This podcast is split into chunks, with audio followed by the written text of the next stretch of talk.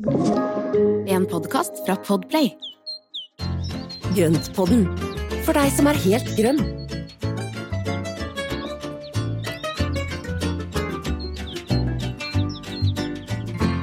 Velkommen til Grønnpodden, alle sammen. Um, hallo, Espen Skarphagen. Hei, Marianne Heen Jonsgaard. Hvordan Ja, går det med takk. dem i dag? Det, det går meget bra. Du, jeg bare hørte på noen som var så flinke å si hele navnet sitt, jeg tenkte, bør vi gjøre det? Altså, ja, vi har gjort det i dag, da. Eh, og Det er veldig formelt, da. Det er veldig formelt, men nå har vi sagt det kanskje er noen nye lyttere som lurer på hvem vi er. Da kan de google Ja. oss. Ja. Eh, vi skal, da kan vi også kort si noe om podden, da. Vi er jo Ja. da en pod eh, for både nybegynnere og folk som holdt på med planter og hage og uterom i mange år. Mm, Mhm. Vi baserer oss på det vi kaller for årshjulet, eh, og har litt avstikkere til andre temaer innimellom. Vi er opptatt av å jobbe med naturen, og Ja. være litt miljøsmarte, og, og være gartnere med lave skuldre. Ja, men det var en god oppsummering. Jeg syns det hørtes bra ut, jeg. Det Ja. var sånn heispitch. Sånn Fort og gærent. ja, men det er jommen ikke lett, for at det å liksom få pakka inn så mye på så få setninger, det, det er ikke bare bare. Men Og så Espen er eh, eksperten, og jeg er den som lurer. Eh, Stort sett, da. Av og til kan jeg også være litt sånn Ja, jeg kan jeg også, men Espen kan så mye mer, og det veit dere. Og det er ikke noe jeg, har, jeg sier kjedelig beskjeden, det er bare sånn som det er. Og, du, og han har til og med skrevet bok. Eh, den er jo litt sånn, den tenker jeg vi også kan pushe litt nå, Espen, for nå er jo den Altså, Ja, nå begynner den å bli aktuell igjen. Ja, ikke sant. Nei, nå begynner den å bli aktuell igjen, og det som er veldig gøy er å se at det flere, eller stadig flere tar og løfter den opp og deler den litt i sosiale medier og sånne ting, og henviser til den. Så der er det jo alt som du trenger av dyrketips for frø, stiklinger, utplanting, herding, egentlig alt du trenger for, eh, for hele hageåret, tenker jeg. Så den er, den er veldig aktuell. Og for pynt... ja gud, jeg har Ja. glemt jo det. Jeg er jo blomsterkreatør, så det Mhm. å Så jeg har pynta meg litt pynt, ja. ja. Jeg har, litt, jeg har litt pynt og dekor og sånne ting, men det handler jo også litt om hvilke planter man kan bruke, hvilke blomster du kan bruke Mm. osv., og, og det er mye, noe vi snakker mye om, med bukettbed og så videre. Mm. Hva heter boka? Skarp i hagen.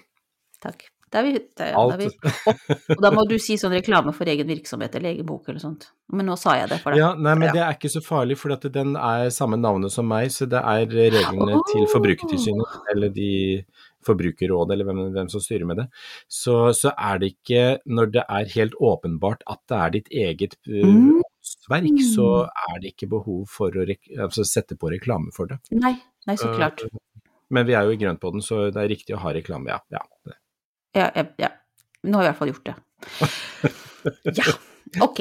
I dag så skal vi, Espen, snakke mm. om eh, trender i Jeg trodde det var inne- utekatter, jeg. Ja, du, du hadde lyst til å snakke om det, vet du. Jeg vet det. Nei da, jeg bare tuller. Ja.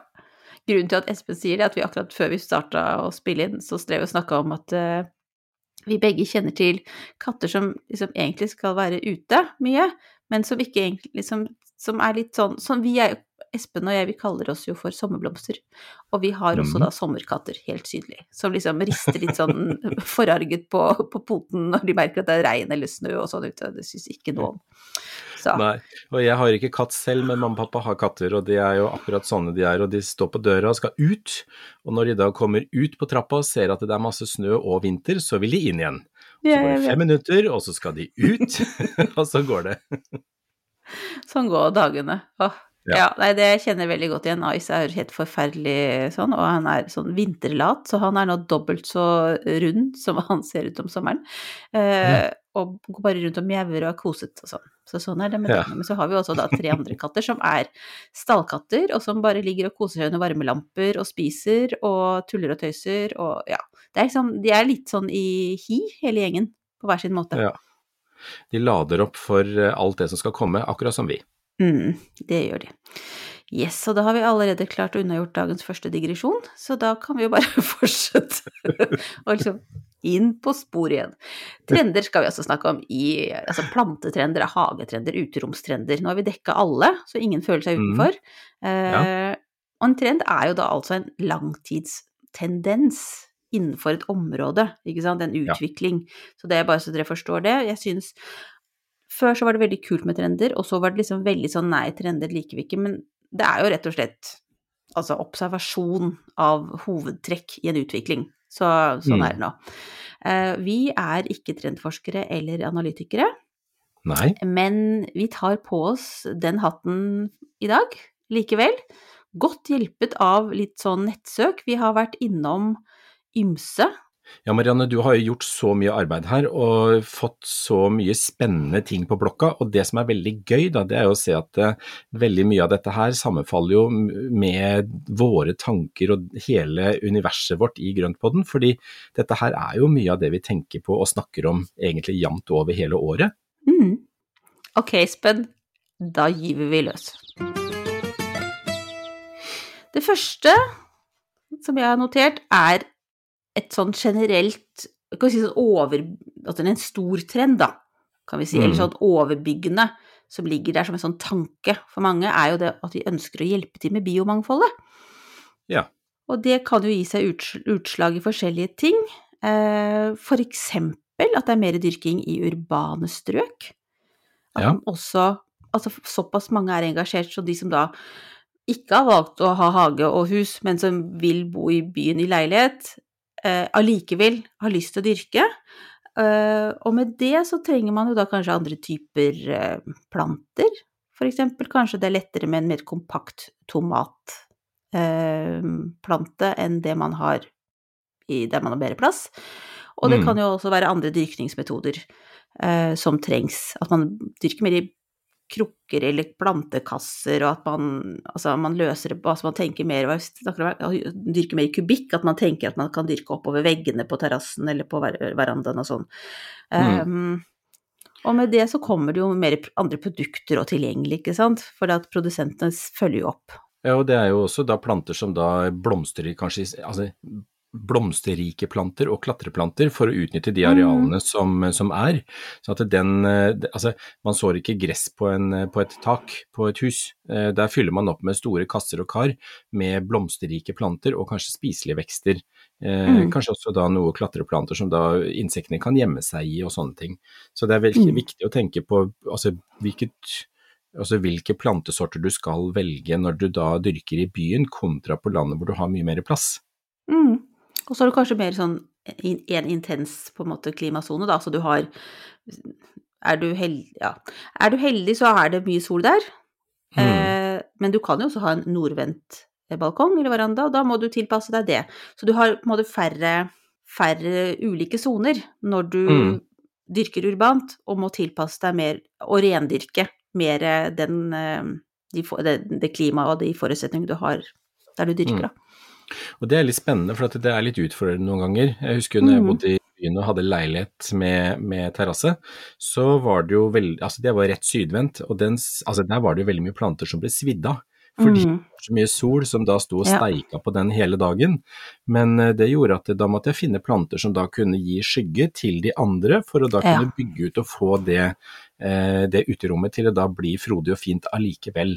Eh, Og da Mm. kunne jeg velge da noen sterke planter som skygge av, og da lage skygge til de som tålte mindre. Og samme er det hvis du har en eh, veldig skyggefull balkong, så er det massevis av spennende skyggevekster som Mm. Eh, Mm. Det var derfor jeg kvia meg litt når jeg sa at du var heldig når du Altså, sydvendt er liksom sånn Vi elsker jo syd... Altså, i boligannonser sydvendt. Alt det skal være. Men det, men det kan faktisk bli voldsomt med sol også Ja. for plantene. Så det, du bør ikke gi opp hvis du ikke har sydvendt uteplass, altså.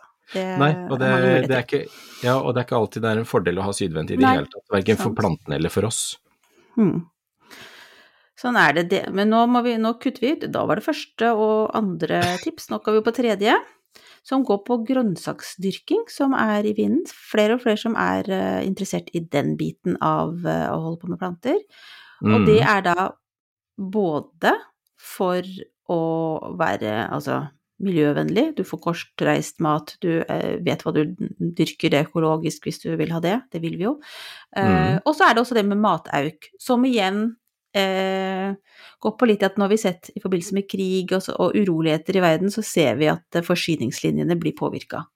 At Mm. plutselig så kan det være manko på noe så da kan man jo kompensere ved å dyrke selv. Og det Ja. kan jo også ha noe med det at stadig flere syns det er litt spennende å dyrke også innendørs i vinduskarmen året rundt, med hjelp av eh, eh, plantelys og sånne ting. Eh, at vi er mer bevisst på tilgangen til mat, da, rett og slett. Mm. Sånn som besteforeldrene våre var. Og, Ja. og ikke sant, den generasjonen der som gjorde det Mm. som eh, Uten at det var en spennende hobby, det var noe man gjorde. Og da tok man også konserverte mye. eh, Mm. Og det å da faktisk konservere det man dyrker, og, og både fermentere, men også safte, sylte, gjøre alt dette her. Og det er jo ting som, som jeg vet jeg vokste opp med, er at det, det ble plukka mye og det ble konservert mye som da man hadde mat utover, eller hadde til å spise utover vinteren. Mm. Eh, og det er jo det med safting og sylting er jo heldigvis på vei tilbake. Mm. Eh, og det er stadig flere også som fermenterer mat, som da gjør Ja. at den holder seg og konserverer det, slik at man kan, kan nyttiggjøre seg det utover resten av året. Eh, Jeg er veldig god på, konser eller på konserveringen. Jeg er ikke veldig god, men jeg er god Altså, det skjer uhell. Av og til må jeg faktisk tømme syltetøyglass. Men det gjør jeg i hvert fall. Men akkurat det med fermenteringen, det er noe jeg må liksom Det, det er neste steg. Og det er jo så spennende, og det blir jo en helt annen smaksopplevelse også. Så det er jo også en berikelse på, for måltidene. Ja, Vi var på, på besøk hos uh, en god venn oppe i Trøndelag nå i, uh, helt i starten på januar. Uh, en fyr som har noe som heter Fannremsgården og driver mye med spennende mat og matkultur og mye kulturhistorie. Og det er, og det, der fikk vi smake da fermenterte rognebær. Oi! Som man hadde som Oh. dekor på Det var sånne små eh, Altså, vi ble invitert på middag, vi spiste jo så vi holdt på å trille av gårde etterpå. Det var så mye godt som han hadde laga, eller de hadde laga. Men da hadde de laget noe, om det var noe jeg tror det var stekt sylte med noe sånn fermentert rognebær oppå, som da var helt sjukt godt på smak, sånn syrlig friskt, men det var jo så intenst oransje, så det var så fint i tillegg, og det er jo da Mm. ting som da er superenkelt å fermentere, og så kan man da bruke det resten av sesongen eller resten av vinteren. Kjempegøy. Åh, nå fikk jeg lyst til å lære meg mye mer om det her. For én ting er jo teknikken, Mm. men også det hvordan man kan bruke det videre. mm. Så, for det, jeg lagde kimchi en gang, den Ja. sto lenge. sånn. Og ingen som helt visste hva de skulle. Ja, for å si det sånn, vi, er, vi må være litt mer vågale når det gjelder å spise fermentert mat. Ja, ikke sant. Ja. Men det er gøy, og det er morsomt. Og det er jo det som også er med, med surdeig, er jo også en fermentering. Jeg mata han godeste Torgeir i dag, ja, så han står nå på, på badet og, og liksom koser seg. Så han får mat en gang i uka. Ja, det er surdeigen min. Han er Ja. nå Jeg hadde satt han i gang i 2017, tror jeg det var. Så han begynner å få noen år. Ja. Åh, du altså. Full av overraskelser. Torgeir, liksom. Jeg, jeg jeg, han må jo ha noen noe navnet. navn. Ja, det vet jeg. Men det, ja, det, Torgeir var liksom så staut og godt. Litt sånn solide saker. Mm. Ja, men han er solid, så han er Ja, eh, solid og har gitt mye. Så dette er, dette er bra. Ok. Apropos grønnsaksdyrking, da. En liten videreføring. Det er sånn er å gå over til Se, nå prøver jeg å lede oss videre, vi er så digresjonete, vet du. Er- Takk, Marianne. men, Ja, ja. Er jo da eh, grønnsaker som er lilla, rett og Ja, slett. Ja, det kommer stort. Vi har nevnt det litt før, at lilla mm. er, er i vinden. Men det vi ikke sa da, var at det er ikke bare at de er litt sånn kule og spennende å se på, men de er fulle av et stoff, kan vi kalle det det? Det er ikke anti- antioksidant, men det har litt sånn antioksidantlignende egenskaper, og det heter antocyanin. ja. Eh, som da gir denne lilla fargen. Det kan også bli dyp rød og blå, som i blåbær og sånn. Eh, men de driver på med forskning om det her sånn, og foreløpig så er det da, jeg vet ikke hva å si, antydninger til at det påvirker annet livslengde, hjertehelse, eh, demens og, og kreft. Eh, Mm. Men det her er jo sånn som de forsker videre i. Men det kan jo være Altså, det skader jo i hvert fall ikke, så det kan jo være eh, grunn til å også plukke med seg noen, jeg vet ikke, lilla belgevekster eller tomater eller paprikaer eller hva det nå er. Det er jo mye forskjellig. Kan du eh, Kål? Det er veldig spennende. Ja, det, ja, ja, men det er, jeg vil bare si at det er utrolig spennende at det altså Det er jo som du sier at forskning pågår, jeg var ikke klar over dette her i det hele tatt, men det er så spennende. Eh, og vi har jo en del lilla vekster, for det er jo da eh, en del kålvekster som er lilla. Eh, Mm. Og knutekål og en del av de har jo også en del av denne lilla farven. Men så har du da de eh, Det er jo en sukkerert eller en ert som heter Mm. eh, shiraz, som er lilla. Du har en blauhilde bønne som er lilla. Du har chili som er lilla. Det er liksom, du har ganske mye lilla grønnsaker, da. Og det er veldig, veldig spennende, syns jeg. Så grønnsaker og bær. Ja. Så det er bare Det er jo, tenker jeg, et tips som eh, en trend som vi gjerne kan kaste oss litt på. Ja. Mm. En annen ting er Altså, Espen, nå føler jeg at jeg bare Vi gjør det sånn, siden jeg har funnet det, og så er du så Du, ja men kan du har funnet så mye, på- så jeg, Ja. Så jeg bare jeg går gjennom, og så, og så spiller du inn, for du kan så mye sånn tilleggsinformasjon som er interessant, som, som fordyper trendene litt. Da fortsetter vi med frøfokus, har jeg kalt det her. Mm. Um, og det her fikk jeg egentlig Det var Ru, Runo Berg, den svenske frøprodusenten, Ja. som løfta det her litt. At, uh, at man bør være litt bevisst på uh, frøene man kjøper, da. At det er veldig mye hybrider. Mm. Og det betyr at du, du kan ikke ta frø av de plantene du da har dyrket fra frøene du har kjøpt. Du må kjøpe dem på nytt, fordi du får ikke den samme planta om igjen.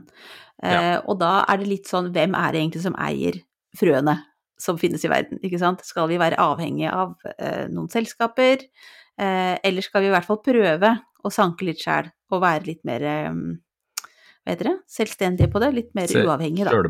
Ja, mer sjølberga. Ja. Og, det som, eh, og du skriver da F1-hybrider, og det er jo noe som vi også har snakket om før, at når du har en F1-hybrid som står på en del frøpakker, og det er både på blomster, men også mye, mye grønnsaker og, og sånne ting, så står det jo F1, det er veldig vanlig på tomater annet, og det betyr at du har en kontrollert krysning mellom to foreldre, og når du har to forskjellige foreldre som er en kontrollert krysning, så får du et, eh, et nytt resultat med helt spesifikke egenskaper. Eh, og det gir eh, det man kaller for en F1-hybrid. Og hvis den får lov å ta også sette nye frø, så vil du ikke nødvendigvis få de samme egenskapene videre. For da er det jo humler og bier som da suser rundt, og det er liksom sjølbestøvning eller annen bestøvning som gjør at du vet ikke hva slags egenskaper det, altså avkommet etter en F1-hybrid vil få. Og da kan du Mm. få veldig mye rart. Eh, Mm. Det kan bli bra, det kan bli dårlig. Ja, det kan bli noe helt spennende. Ja. Men hvert, hvert fall så det er også noe man ser at uh, altså vanlige planteinteresserte folk nå er mer opptatt av frøene, starten Mm. på alt. Uh, og det kan jo både være det her med at, at du vil ha frø som kan bli seg sjøl om igjen, men det kan jo også være det som vi har snakka om, å, å fokusere på lokalfrø, eller altså sånt som er uh, holdt på sitt steds heter, hva, hva mener jeg nå? steds, blir så veldig- eh, altså stedsbundne, eller at at du Ja. har da noe Ja, lokal, lokale Mm. variasjoner og lokale frø. Men det, vi Mm. ser jo også det blant følgerne våre og, og lytterne våre, er at det er stadig flere som ønsker å, å sanke frø selv. Ja. Eh, pakker sammen, sørger for å ha frø til neste sesong, som de da har plukket ute i hagen eller hos venner og familie i løpet Mm. av året. Og, og det å da ha egendyrka frø, og også gi bort i gaver, er jo veldig gøy, da. Det er så hyggelig. Det er så hyggelig, Mm. det. Det er noe helt annet. Og jeg merker jo også at jeg får ekstra lyst til å ta godt vare på de plantene som jeg har sådd fra frø som jeg har fått fra deg og andre. Det er jo Mm. Det blir noe eget. Men apropos som så videre derfra, med frø, så tenker jeg da på blomstereng, som der er det jo absolutt mye frø involvert. Mm. Og der ser vi jo en trend til at eh, man kanskje eh, sanker da frø fra naturlige blomsterenger i, i lokalmiljøet. Eh, og også at man kjøper frømikser som er eh, egna til der du holder til, istedenfor å bare kjøpe en hvilken som helst frømiks. Og det er et viktig poeng, for at det har jeg sett også flere kommentere litt her og der, at man da kjøper en engblanding, eller altså blomsterengblanding, eh, og så er det blomster der som egentlig ikke er egnet for, eller egnet for norske forhold. Da. Fordi når du da lager en blomstereng, så er det hyggelig at ting kan komme igjen år etter år, Mm. at det kan etablere seg som et fast sted. Eh, og da er det jo viktig at det er planter som faktisk klarer å overvintre og kan videreføres. Mm, absolutt. Det er litt Jeg, syns jeg Jeg føler at veldig mye av disse trendene går på bevissthet, bevisstgjøring. Mm. At man eh, at vi vet mer, vi er mer opptatt av kilden til ting, av hvorfor og hvordan, og liksom, ja, at det er mye tanke bak det, da. Ja, og det henger Ja. på greip. Ja. ja, ikke sant? Det er liksom, du føler at det fletter seg litt sammen, at det er, Ja. eh, det er en større grunntanke bak der. Ja. Fra blomstring til en trend som RHS, altså Royal Horticultural Society i Storbritannia, eh, nevner, og det er at ugress, eller altså ville vekster, da, kan vi heller kalle det, gjør inntog Mm. i bed bedene våre. Det er ikke bare blomsterenger lenger, men nå altså som, som en del av mer tradisjonelle bed, eksempel hundekjeks. Mm. Og det her er en del av trenden med de mer viltvoksende og naturlige uterommene. Mm. Helt kult. Det er, ja, det er kjempegøy, og det, vi har jo sagt hele tiden at det da ugress det er jo bare plante, feil, eller planter vi ikke vil ha på den plasseringen, eller at det er feil plante på Mm. feil sted. Det er jo ikke Ja. noe verre enn det. For det er Jo, ja, for oss, ja, ikke for naturen. Den Helt riktig riktig for naturens del. ja. Og da føler jeg meg veldig on trend med, med eh, skvalekålen. Jeg tenker, Ja. har jeg vært ubevisst veldig tidlig ute, skal jeg nå ikke bekjempe den i år, men det skal jeg, litt. Men jeg tenker at den kan få lov til å dukke litt eh, opp her og der. Det Ja. kommer den til å gjøre uansett. Men ja, nei, jeg syns det var en veldig hyggelig trend. Ja. Takk RHS for den.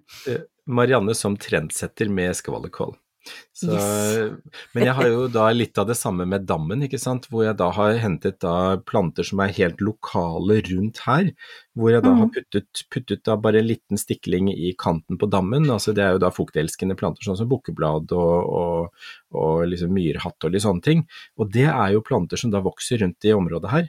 Eh, Mm, som nå er godt fint. etablert i dammen her. Og det gjør jo at det er jo både riktig plante for insektene, og så er det planter som da klarer klimasonen og, og liksom etab har etablert seg godt.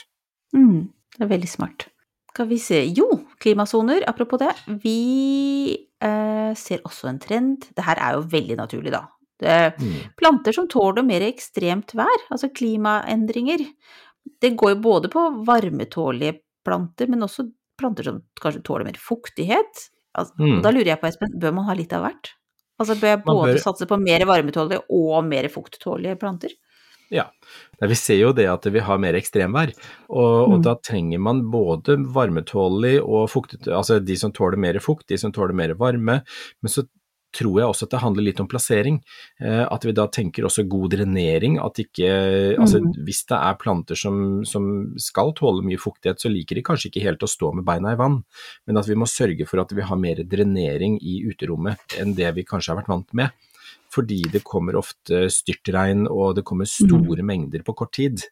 Så da må vi ha et eh, Ja, det har vi så også snakket om før, men vi må ha en plan for hvordan overvann og, og, altså over, overflødig vann blir transportert bort fra eiendommen, altså enten ned i bakken og ut, eller at det renner av. Mm. Det kan dere finne. Det var vel i høst vi hadde en episode om det. Det kan Ja. dere jo høre på. Der kommer det også litt praktiske tips Ja, hvordan man Det eh, er- lager det. Ja, og der har jeg faktisk, siden den gang, så har jeg vært i dialog med, med noen som For at jeg skal jo være med også holde i en hage på hagemessa, eh, som Mm. handler om vann i hagen, hvor det er dam, selvfølgelig, men det er også dette med avrenning av vann, og hvordan man kan da faktisk samle opp vann og magasinere ut det vannet når det kommer i store mengder. Og så kan man bruke det når det blir tørrere tider. Så det er faktisk en del sånne systemer som er under utvikling, som da faktisk kan ivareta dette her, både overskudd av vann og underskudd av vann. Det er Altså kjempespennende. vi Ja, det er kjempespennende. Og jeg tenker på han eh, svenske Instagram-kontoen Villa Sundal. Mm. Um, det er et par som holder til i Stockholm. Uh, verdens mest fantastiske hage. Um, men i hvert fall, de har en sånn gigantisk vanntank som de har gravd ned eh, i bakken, og den er jo super. Og vi, Mm. har, jo, vi har jo en dam ute på åkeren. Problemet er bare at de som da driver og pløyer og ordner her sånn, de har klart, virker det som, å pløye over den. Den, den Nei. ledningen som går, går fra dam, for det er et helt system her, så det her må vi finne ut av. For det er jo supert å ha når det er tørt. Ja. Eh, ja. Så det er, står på lista over det vi skal fikse. Mm. Så bra. Ja. Uh, ja, men ja, ja, for eksempel, altså sukkulenter sto det, det satte jeg opp liksom sammen med dette punktet med ekstremklima, men at sukkulenter er mer i vinden, er det, jeg Mhm. tenkte at det var en sammenheng, for de tåler jo litt mer. De Eller- tåler mer. Og Ja. de, altså en del av de har jo også veldig grunn vekst i forhold til det. Mm Mhm. altså de trenger ikke så mye jord. De kan vokse Noen av de vokser jo rett på fjell, altså sånn som bergknapp og disse her. De vokser jo bare rett på fjellknauser. Eh, og det er jo eh, Sukkulenter de tåler ganske mye vann når de er i vekstsesong, men de tåler også mye tørke.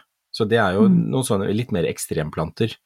Mm. Eh, jeg har jo mye sukkulenter som jeg setter ut om sommeren, men det er jo da innendørsting som ikke skal stå ute om vinteren. Men, men eh, de tåler også ganske godt dette her i klimaet som er nå, med ganske mye vann, og så går det perioder hvor det er mye sol og mye tørke.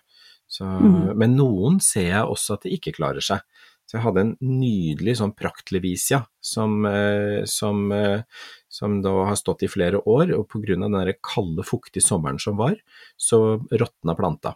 Så jeg har nå igjennom, og den er helt umulig å få tak i igjen, så den har jeg tatt også Jeg klarte å redde noen bitte, bitte, bitte, bitte små toppskudd av, av Mm. på noen av delene, eh, som jeg har drevet og kjempa med under vekstlys for å få balansert vanninga under vekstlys her. For å få da rett og slett eh, nye planter. Så jeg har to stykker som er delvis på gang. Bra. Ja, det var godt å høre. jeg håper. Ja, jordhelse er også en trend. Mm. At vi da, eh, igjen dette med bevisstgjøring, ikke sant. Vi vet mer, og vi, vi leser mer, og vi lurer mer. Og det her tenker jeg altså at sosiale medier og altså det at vi, vi snakker mer sammen, og vi lurer og vi spør, og vi, vi eh, lærer hverandre opp Mm. i ting. Mer fokus på jordhelse, i hvert fall. Og da med altså, alternativ til kjemisk plantenæring og til torv. Så det er flere som driver med kompost. Um, mm. Og også etterspør alternativer til de mer, hva skal vi si, eh, tradisjonelle i gåsetegn, da, for før de ble vanlige, så var det jo andre ting som var vanlige, men altså det som man da finner i poser rundt omkring eh, på, på hagesenter og sånne ting. At eh, man igjen ønsker å ja, jobbe med naturen, da. Ja, og dette her er noe jeg Altså, dette varmer mitt hjerte, altså. For at jordhelse, det er noe jeg har vært opptatt av i flere år nå. Og jeg har jo samarbeida en del med Nelson Garden om akkurat dette her. Og det som er litt spennende, at det kommer en del produkter som er både torvfrie, eh, og de Mm. spiller på lag med naturen, og sånn som biohumus, som da er et, eh, et eh, kompostprodukt basert på meitemark, gjør, Mm. altså som er med på å øke mikrolivet med, med, med da alt det som skjer i jorda. Og så er det jo noe med at rot og topp henger sammen, som vi snakker om. og det at Hvis du Mm. har en god jord med, som er levende og rik på mikroliv, så vil også plantene ha det bedre. Eh, og det handler om å bruke da naturlige stoffer, sånn som naturlig gjødsel, altså eh, enten da naturgjødsel i form av husdyrgjødsel, eller, eh, eller da kompostmateriale. Og det kan være både vanlig varm kompost, kald kompost eller eh, eh, bokashi.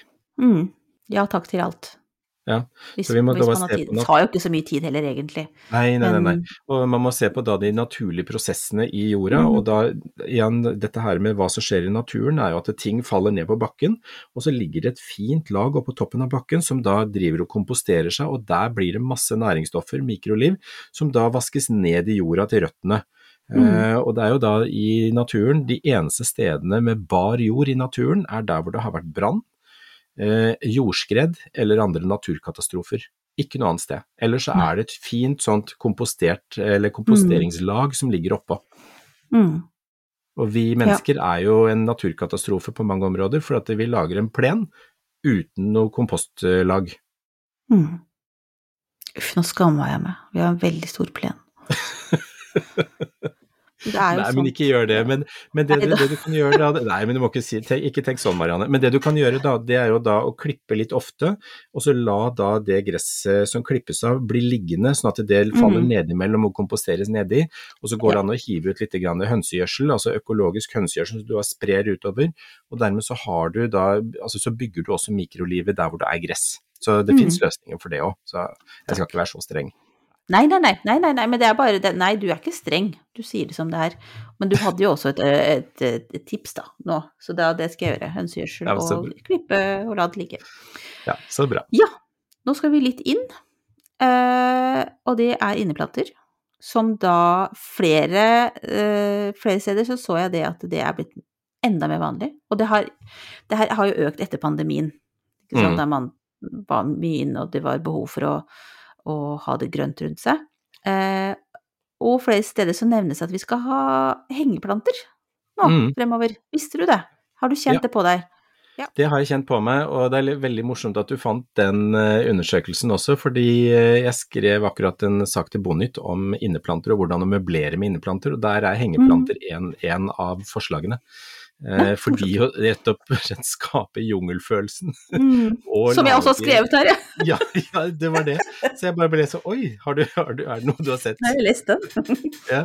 Også, og hvor man da også er med på For det første er å da skape den jungelfølelsen i forbindelse med vinduer og sånne ting, at man får da det frodige uttrykket. Men når du har godt med lys, så kan du også ha hengende inneplanter litt inn i rommet, for å være med på å lage skiller i rommet og lage Mhm. altså rom, rominndelinger.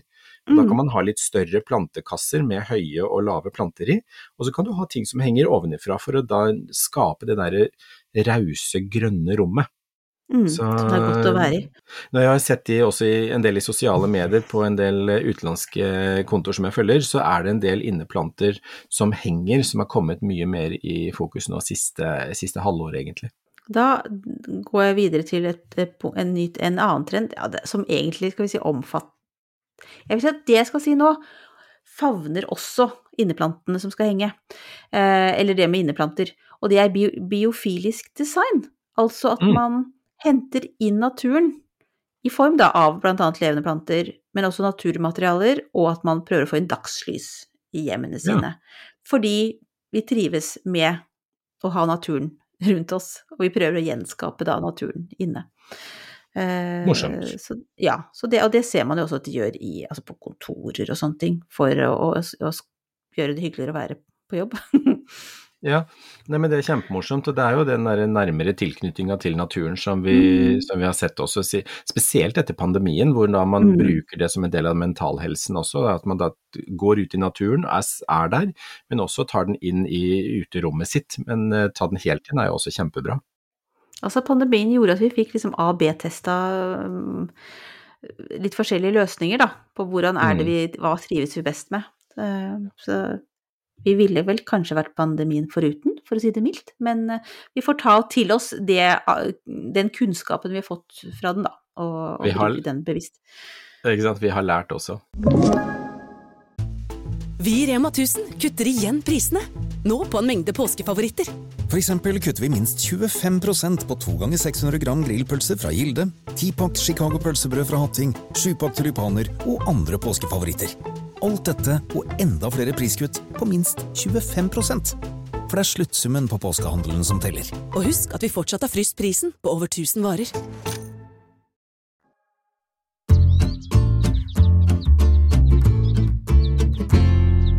Apropos design, nå snakket vi om biofilisk design før vi mm. tok en liten pause. Eh, men jeg tenkte vi kunne snakke litt om andre elementer med, med uterommet vårt. Um, og vi elsker jo utekjøkkenet, særlig én av to er veldig glad i utekjøkken. Fordi han har et nytt og fint et. Og Ja. utekjøkkenet er da absolutt en trend som bare fortsetter. Det blir enda mer proft. Det, altså, det er ikke sånn at vi um, Vi har ikke slutta å legge penger på det. Så vi kan jo Det kommer sikkert noe nytt i tillegg til pizzaovnen, og altså uh, Gudene vite hvor dette ender. Men uh, vi ønsker også nå at det skal ligne mer på innekjøkkenet vårt. Mm. Og da også kanskje visuelt. Så, og det er også en annen trend, det der med at vi vil ha det mer kontakt mellom inne og ute. Mm. At uteplassen blir en forlengelse av hjemmet. Så vi har da henta ut kjøkkenet, eh, og da tenke på det som en del av innekjøkkenet, bare at det er Mm. en utestasjon. Eh, og det er også i tillegg til at før så kanskje man valgte enten spiseplass eller at man hadde en sittegruppe. Nå skal man ha begge delene. Så vi har da kjøkken og stue. Har man da en hengekøye i tillegg, så har man jo egentlig dratt ut hele Da kan man sove der òg. Så da sånn hele Da kan uterommet liksom i inne. Um, Flytte ut. flytte ut. Og så er det jo mer eh, organiske materialer, mer naturmaterialer. Det er mye treverk eh, og metall, sier jeg, i møblene, for eksempel, som har blitt lansert nå. Eh, mindre plast. Mm. Så vi tenker jo, det er både at det er mer bærekraftig, det holder lengre, um, det er mindre skadelig i produksjonen, gjerne. Eh, så det er en trend. Og så er også belegningsstein i vinden, heller da enn plattinger i tre. Det her vet jeg Mm. ikke helt, altså jeg vil jo tro at folk vil velge eh, det som passer best uansett. Men man ser i hvert fall da at det er flere og flere som bruker belegningsstein, eh, enn å velge treplattinger. Man ønsker seg jo vedlikeholdsfritt, og det er jo det som ser veldig mange ønsker seg, er at det skal være enkelt å holde, litt sånn som vi snakket om i forrige episode, også dette med den lettstelte hagen. eh, At det er ting som ikke krever så altfor mye jobb. Eh, Og det er både vedlikeholdsfrie materialer, men det er også planter som ikke krever all verden av stell, men skal se ålreit ut for det. Eh, Og det syns jeg egentlig er eh, veldig bra, i tillegg til at det er jo også sånn i forhold til dette her altså miljøvennlige perspektivet, at vi da har materialer som, som består, gjør jo at vi ikke Mm. behøver å bytte ut hele tiden. Og det er jo også både økonomisk, men også miljøriktig, at man da har Mm. ting som holder, holder seg. Så, men jeg syns også det er veldig gøy dette her med at vi, vi trekker da inne- og uterommet sammen. For jeg husker jo for ganske mange år siden, på møbelmessa i Stockholm var det vel, da var det liksom oi, nå begynner vi å lage lamper og møbler som skulle, skulle se ut som innemøbler, men de skulle være ute. Mm. Eh, og dette her er jo, må jo være borti ti år siden, tenker jeg. Vi begynte å se at da møbelprodusentene lagde ting for uterommet som så ut som Mm. det var inneobjekter. Inne, inne, eh, eh, og nå så er det egentlig en sammensmelting av de større strukturene, som du sier. altså Der kjøkkenet skal være likt, kjøkkenet og sitteplassen, spiseplassen, alt dette her. Så det er liksom mye større ting som, eh, som er nå eh, mer si, samkjørte. Det er Mm. veldig gøy. Utedusj vil man jo også ha. Herregud, vi har til og med bad ute. Eneste vi går inn på do, får vi si. Det. Ha en utedo. Men en ting jeg også kom på nå, er at eh, det her er hva jeg har observert selv, da kan du si, så om det er en Jo da, la meg si at jeg har sett en trend. Og det er at på samme måte som vi fargsetter hjemmene våre, altså rommene inne i huset eller i leiligheten, mer, altså det er mer spreke farger, da kan du si, inne, noen Mm. tar helt av, så ser vi også at det også speiles i utemøbler. Det er mer, Mm. særlig, da særlig da så klart på metallmøblene. Det er kanskje ja, fremst de. Det har vel ikke sett noe særlig farga treverk. Mm. Um, men i hvert fall, det er mer glade farger, da. Og, at man, Ja. og kanskje er utetepper med litt farger, og du har noen morsomme lamper, som du sier, og det er puter med farger, og Så det er mye mer fargerikt også ute. Det er ikke den derre sombre sånn eh, bare liksom beige og naturfarger og litt grønt. Det er noen som også tar helt av og syns det er kjempeherlig med farger. Jeg syns det er gøy, altså. Og Det er det gøy. Jeg har jo tatt og fått tak i plantekasse eh, med, som er samme farge som huset, og kjøkken, utekjøkkenet er samme farge som huset. Så, så jeg har jo jeg har kommet- Ja, så jeg har liksom prøvd å liksom dra farven ut i, Mm. eh, i uterommet. Og så Her ble jo huset grønt, altså det, jo, det passer jo greit med det andre. Ja, så vil jo da blomstene kunne være krydderet på toppen med da alle de fargene Absolutt. som man kan finne i det. Så det er, er herlig, Ja. altså. Nå gleder jeg meg hvert til våren. Ja, og det henger jo også da igjen at det er bra for bier og andre insekter at det er masse farger i blomstene. Så der Mm. kan vi også være mer fargerike. Um, Ja. Og blir det jo, fordi at vi er mer opptatt av den biten av det med å dyrke. Så Ja. bra. Nei, men vi trenger farger, og det er jo det er sånn som vi har snakket om eh, også en del, at det er jo både gult og Altså alle gule og varme altså varmetonene, eller de mer sarte blålilla og sånn, så er det jo det avhengig av hvilken tid på året, så er det jo insektene går jo etter spesifikke farger, avhengig av tiden på året også. Så det er viktig å ha egentlig litt variasjon i fargene. Mm. Så bra. Vi skal ikke være monokrome i hagen, der skal det være farger. Ja. Så bra. Um, oppsummert så vil jeg si at det er jo mye sånn fokus på naturen, og også på helse og glede. Mm. Og det å skape da, både gjennom design, vi skaper altså ulike soner i uterommene våre, ved å, skape dette kjøkkenet og denne stua og utedusjen, eh, og vi dyrker eget som vi spiser, det er kortreist, det er eh, ferskt og herlig, det er godt for kroppen vår. Og Mhm. også det med å ha vekster som stimulerer sansene. Mm. Som noen deilige roser som dufter nydelig. Altså lavendel som du Altså urter som du stryker hendene dine over, så du får den herlige duften, og det er noe vakkert å se på og godt å Mm. ta på. Det er, eh, tenker jeg, gode trender, ja. Det er vel også ganske tidløse ting, fordi det appellerer jo i bunn og grunn til oss som mennesker.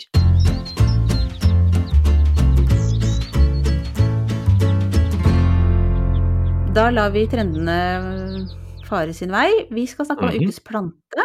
Det, Ja. Du er jo litt romantisk, for når vi spiller inn, så er det altså Valentine's Day, valentindagen. Ja, det er det. Og da det fikk Espen til å se hjerter overalt. Få høre, hva er det vi skal ha? I dag så skal være en fantastisk rød rose som man da bør ha i hagen, kan jeg si det? Ja, det kan man si. Ja. Eh, I hvert fall veldig mange av oss kan ha den i hagen, fordi den klarer faktisk opp til H5. Så det er en robust, fin buskerose, en rosa floribunda, som heter Burgund 81. Uh, og det er eh, en eh, rosebusk som blir ja, eh, drøy meter høy, eller, og nesten tilsvarende vidde. Altså det blir en fin rosebusk. Og så får den altså de mest fantastiske, store, solide røde blomstene, som er altså helt enestående. De er så fine, de er som fløyel, store, fine og eh, eh, ganske enkle på stilkene sine. Men eh, dette her er en massiv rød rose som jeg tenker at det er bare nydelig å ha i hagen. Mm. Den er liksom keiserinnerose. Altså, den er liksom top notch. Det er, her er Ja. eh, royalty i roseverdenen. Ja. Så den er, den er superfin, og, det, og når den da blomstrer og den begynner å åpne, så kan man skjære den og sette én sånn i en vase, så har du mer enn Mm. nok som, som fyller, eh, fyller og pynter, altså. Så Burgund 81, Rosa floribunda, klarer eh, H5 og blir ca. en meter buskrose. Løp og kjøp Ja. til våren. Ja, Sett på ønskelista, sier jeg. ja, absolutt. Da går vi videre til ukas spørsmål. Og Mm. du har fått veldig mange spørsmål om hva vi gjør nå med Amaryllisen, nå som den da har blomstret over og er ferdig med sesongen. Skal den nå hvile? Det er en spørsmålsstrøm Nei, nei, det er ikke så mange spørsmål. Det er liksom ikke Det er ikke sånn at jeg må sette stopp på mailen. Alle lurer på det. altså. Nei, ikke sant. Nei, jeg har fått noen spørsmål om det, og det er Mm. Amaryllisen etter jul. Skal den nå hvile for å da lade opp til ny sesong? Nei. Ikke hvile, ikke hvile, ikke hvile. Eh, nå etter Altså, du kan si alle, eller de fleste blomsterløkene som vi har, eh, de blomstrer, og etter blomstring så kommer bladene, og bladene de skal få lov å vokse, og de skal få lov å liksom utvikle seg for å samle krefter og næring tilbake i løken, og så skal den hvile. Så mellom blomstring og ny hvile så må det være en vekstsesong som skal fylle opp løken med alle de kreftene den trenger for en ny blomstring igjen. Så vanlig syklus er at det er hvileperiode, og så kommer blomstring, og så kommer vekstsesong. Og den Mm. vekstsesongen, den må være, være brukbar og lang nok for at i det hele tatt det skal være mulig å blomstre på nytt igjen. Ok.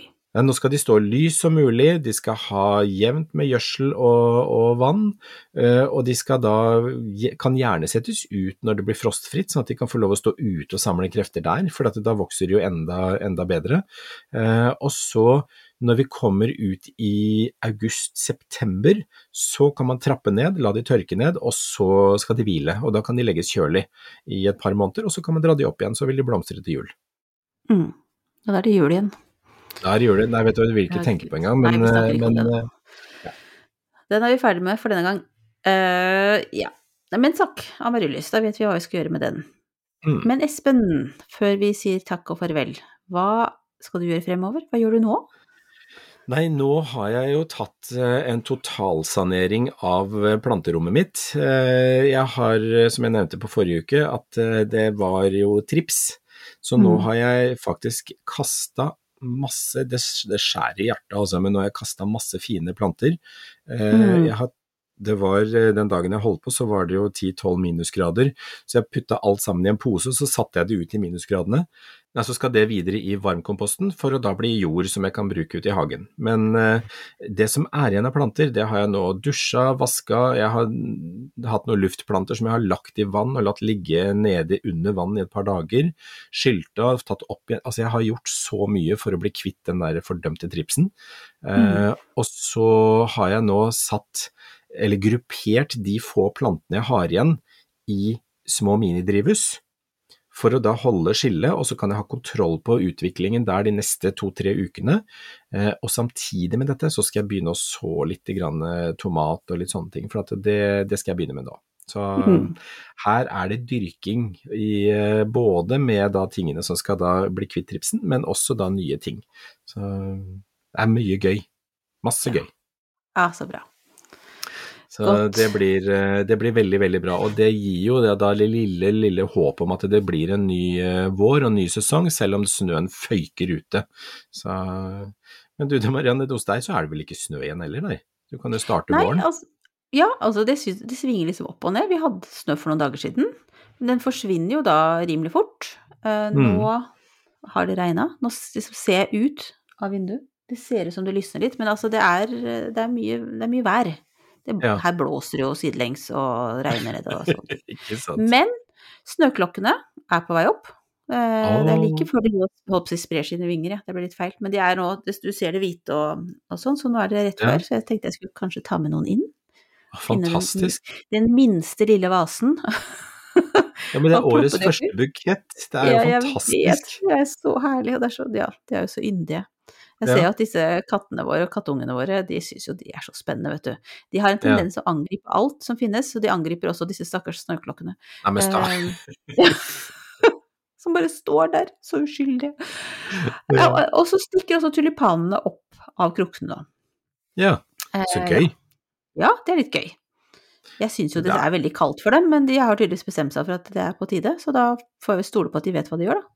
Men når de står ute, og sånn som hos deg, så er ikke det for tidlig. Altså de, så lenge plantene får utvikle seg i takt med, års, uh, altså med årstiden, så tenker jeg at det, da er det helt greit. Og de har stått ute gjennom vinteren, vet, de, altså de vet stort sett hvordan det skal, uh, hvordan det skal gjøres. Så, mm. så sant ikke det blir noe sånn plutselig ekstrem kulde eller sånne ting, så går det helt fint. Ja, bra. Nei da, de skal få lov til å stå. Eller så er, nå har jeg bundet, gjort, liksom gjort klart hva skal jeg si, vokseanlegget for uh, agurkplantene, slik at de da ja. kan strekke seg opp på vinduene. Så, men jeg har ikke fått sådd de, uh, den uh, lemonagurken, så den Nei.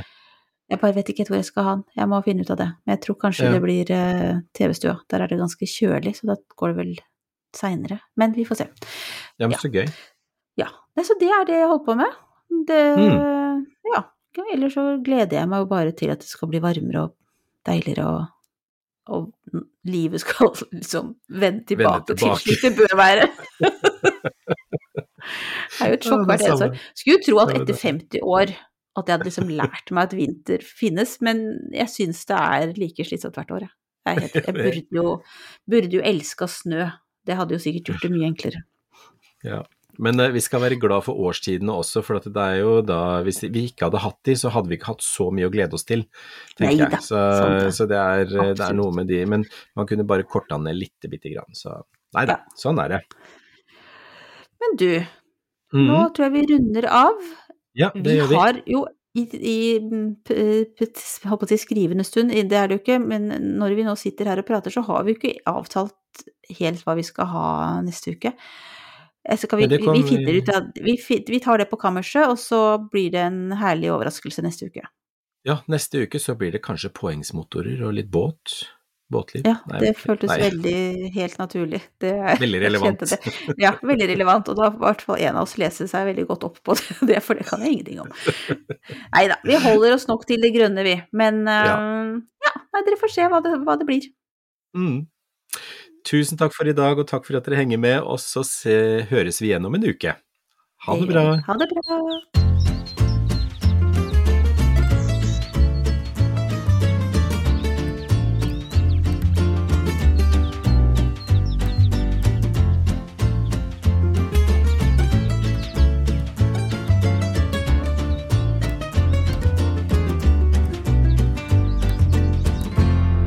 Du har hørt en podkast fra Podplay. En enklere måte å høre podkast på. Last ned appen Podplay, eller se podplay.no.